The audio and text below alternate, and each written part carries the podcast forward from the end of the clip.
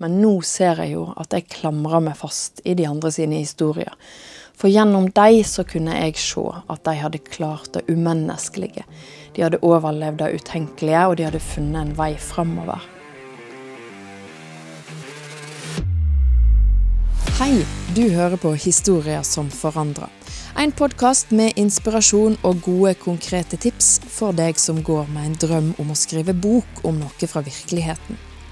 Den er for deg som er interessert i historiefortelling og skriving, enten du er helt ny i faget eller har holdt på ei stund. Jeg er Stine Mari Welsvik, journalist, fotograf og forfatter. Jeg lager denne podkasten sånn at du kan få lære fra noen av de aller beste på sitt felt, slik at den forfatterdrømmen din kan bli virkelig. Jeg er her for å støtte deg på veien, og du finner mer hjelp på stinevelsvik.no. Hva er det med historier som forandrer? Hvem og hva er det de forandrer? Vi skal snakke litt om det i dag, og du, i denne episoden så blir det bare meg og deg. For du skal få vite den egentlige grunnen til at jeg begynte å undervise i historiefortelling, og da å skrive nonfiksjonsbøker. Og jeg håper at denne episoden kan gi deg et ekstra puff mot å skrive boka di. Særlig hvis du er i den fasen der du har denne bokdrømmen som ligger og kverner, men som du ikke helt har kommet i gang med i år heller. Og hvis du er en av de som har en veldig sterk indre kritiker, så får du noen gode svar som du kan servere denne kritikeren når det står på som verst. Det at jeg bestemte meg for å hjelpe folk som har lyst til å skrive nonfiksjonsbøker, begynte faktisk for over ti år siden, men da ante jeg ikke da. Jeg husker bare veldig godt følelsen av desperasjon på den tida. For jeg hadde vært i ei krise i over to år, og selv om jeg hadde fått god hjelp, så satt liksom følelsen av katastrofe i kroppen. Jobben og framtida, sånn som jeg hadde sett det for meg, sto egentlig på spill fordi jeg ikke fungerte. Før denne krisa inntraff, så var jeg hun som nådde toppen av Kilimanjaro, og jeg hong ut av helikopter som nyhetsfotograf i NRK. Og jeg opplevde vel egentlig at jeg hadde få grenser. Men nå var den psykiske belastninga så stor og hadde vart så lenge at jeg ikke engang klarte å gå på butikken. Og det hadde egentlig satt seg fullstendig fast i en spiral som gikk ganske fort nedover. Og jeg ante ikke hvordan jeg skulle komme meg opp igjen, og det gjorde meg desperat. Og sånn er det jo ofte med krise og vanskelige ting. Sant? Andre kan si at dette her går over, og, og de mener det sikkert òg. Men jeg husker at jeg var utrolig mye redd for hvordan framtida nå skulle bli, og om det kom til å bli noe framtid, for å være helt ærlig. Jeg så ikke for meg at krisa skulle gi seg, og hvordan den skulle gå over, hva som var veien ut når situasjonen ikke kunne endres. Så mye hadde skjedd at jeg på mange måter ikke kjente meg sjøl igjen heller. Og min opplevelse var at når denne krisa kunne skje, når dette kunne skje, da kunne alt skje. Og det gjorde noe med trygghetsfølelsen min, som var en virkelig stor jobb å rette opp. Og det tok faktisk flere år. Men hva i alle dager har alt det her med å skrive nonfiksjonsbøker å gjøre, tenker du kanskje? Vel, nå er det over ti år siden jeg mista fotfestet og måtte bygge opp hele grunnmuren i livet mitt på nytt. Støvet har lagt seg, og jeg er ikke lenger midt i et traume. Sårene har grodd, og nå ser jeg tydelig hvordan jeg både kom meg inn i kaoset, men viktigst av alt hvordan jeg kom meg ut. Og vet du, det absolutt viktigste for meg i denne prosessen var andre mennesker. Det var virkelig fint å ha gode folk å snakke med, og jeg er evig takknemlig for alle de som var lyttende og støttende. Men det å kunne finne støtte i andre sine historier ble også veldig, veldig viktig. I perioder så var jeg nesten som en svamp. Jeg sugde til meg det andre hadde å fortelle om det de hadde opplevd og overlevd. Og det finnes utrolig mye bra å velge i på bokfronten når det gjelder akkurat det her. Mye rart og mye fascinerende. Og det var ikke bare kriselitteratur jeg las, men jeg hadde mest dragning mot historier om folk som har klart de sjukeste ting. Jarle Traa si bok 'Livet i fjella', eksempel. Denne vossingen var tre døgn i dødssonen på Mount Everest uten oksygen, og overlevde. Cecilie Skog har skrevet bok om eh, den turen til fjellet K2 i Himalaya da ektemannen Rolf Ba døde i ras mens hun hang i fjellveggen ved siden av og så på.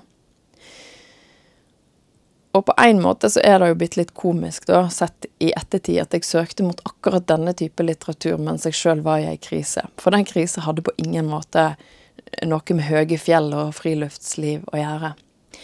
Men jeg las òg andre typer nonfiksjon. Og felles for alle bøkene som jeg las, var at de i en eller annen form handla om at noen hadde klart å overkomme store utfordringer.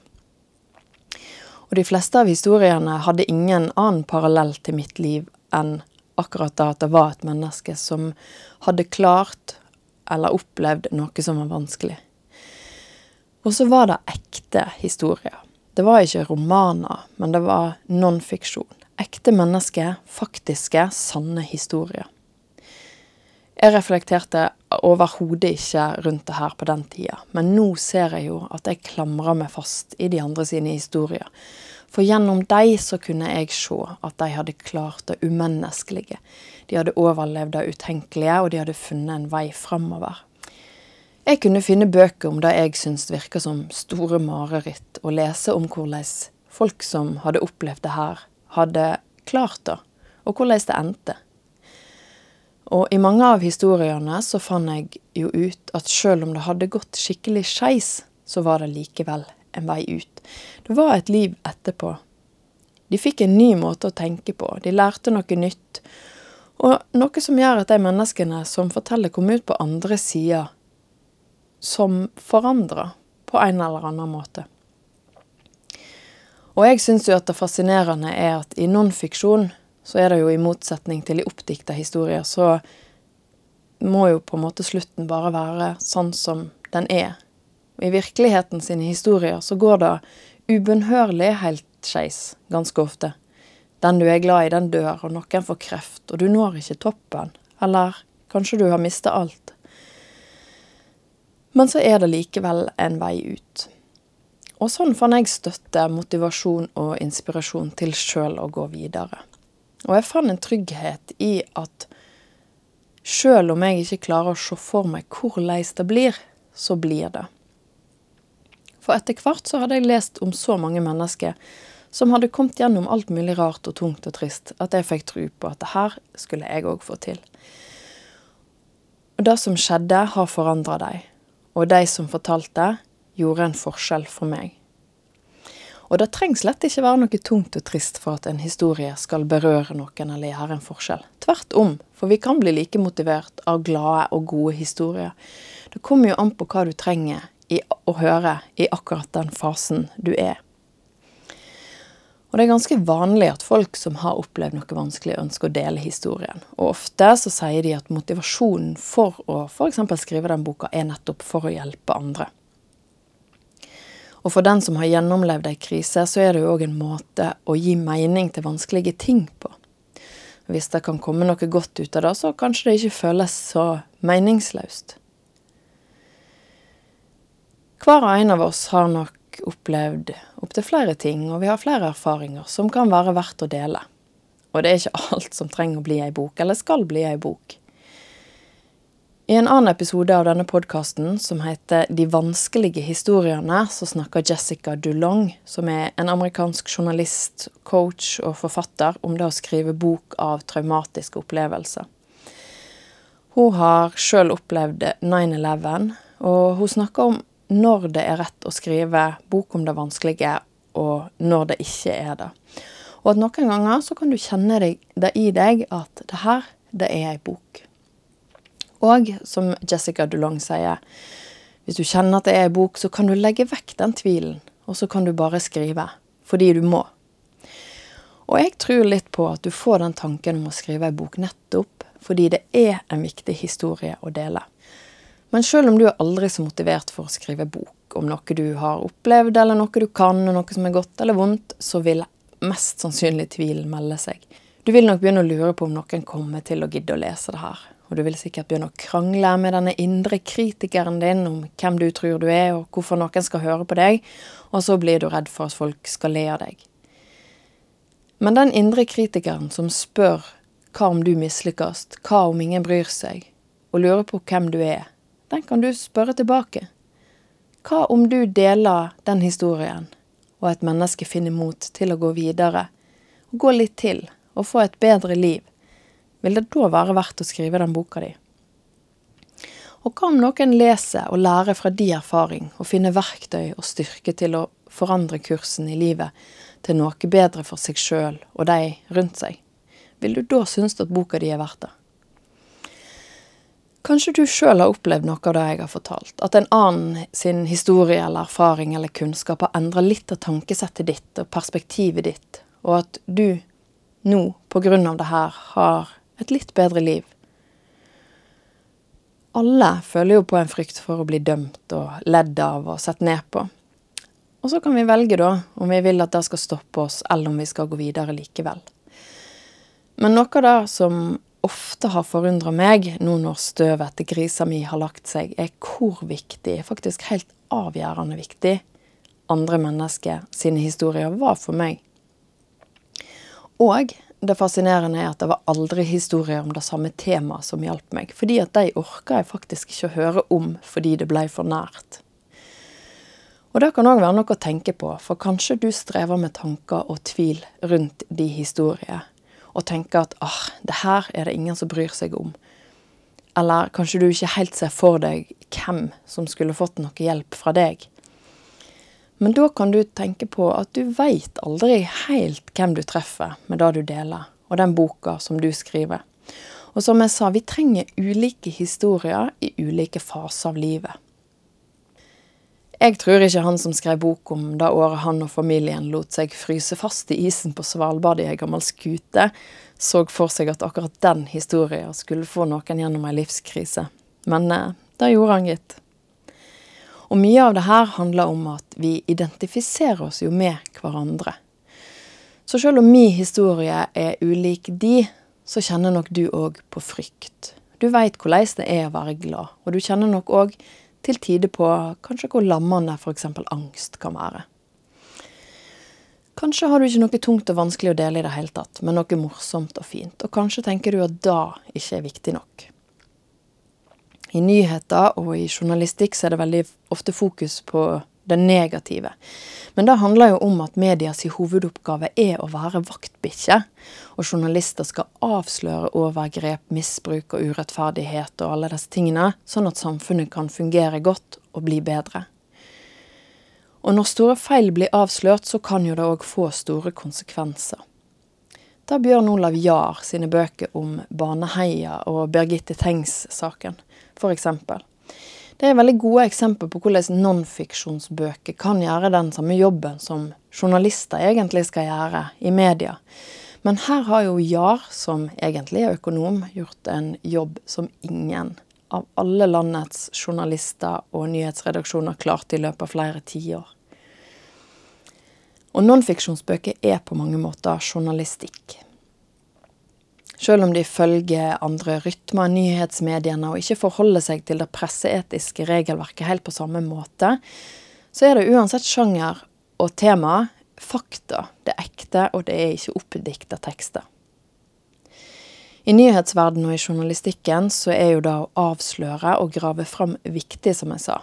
Fordi det er i hovedsak derfor nyhetsmediene eksisterer, og ikke først og fremst for underholdning.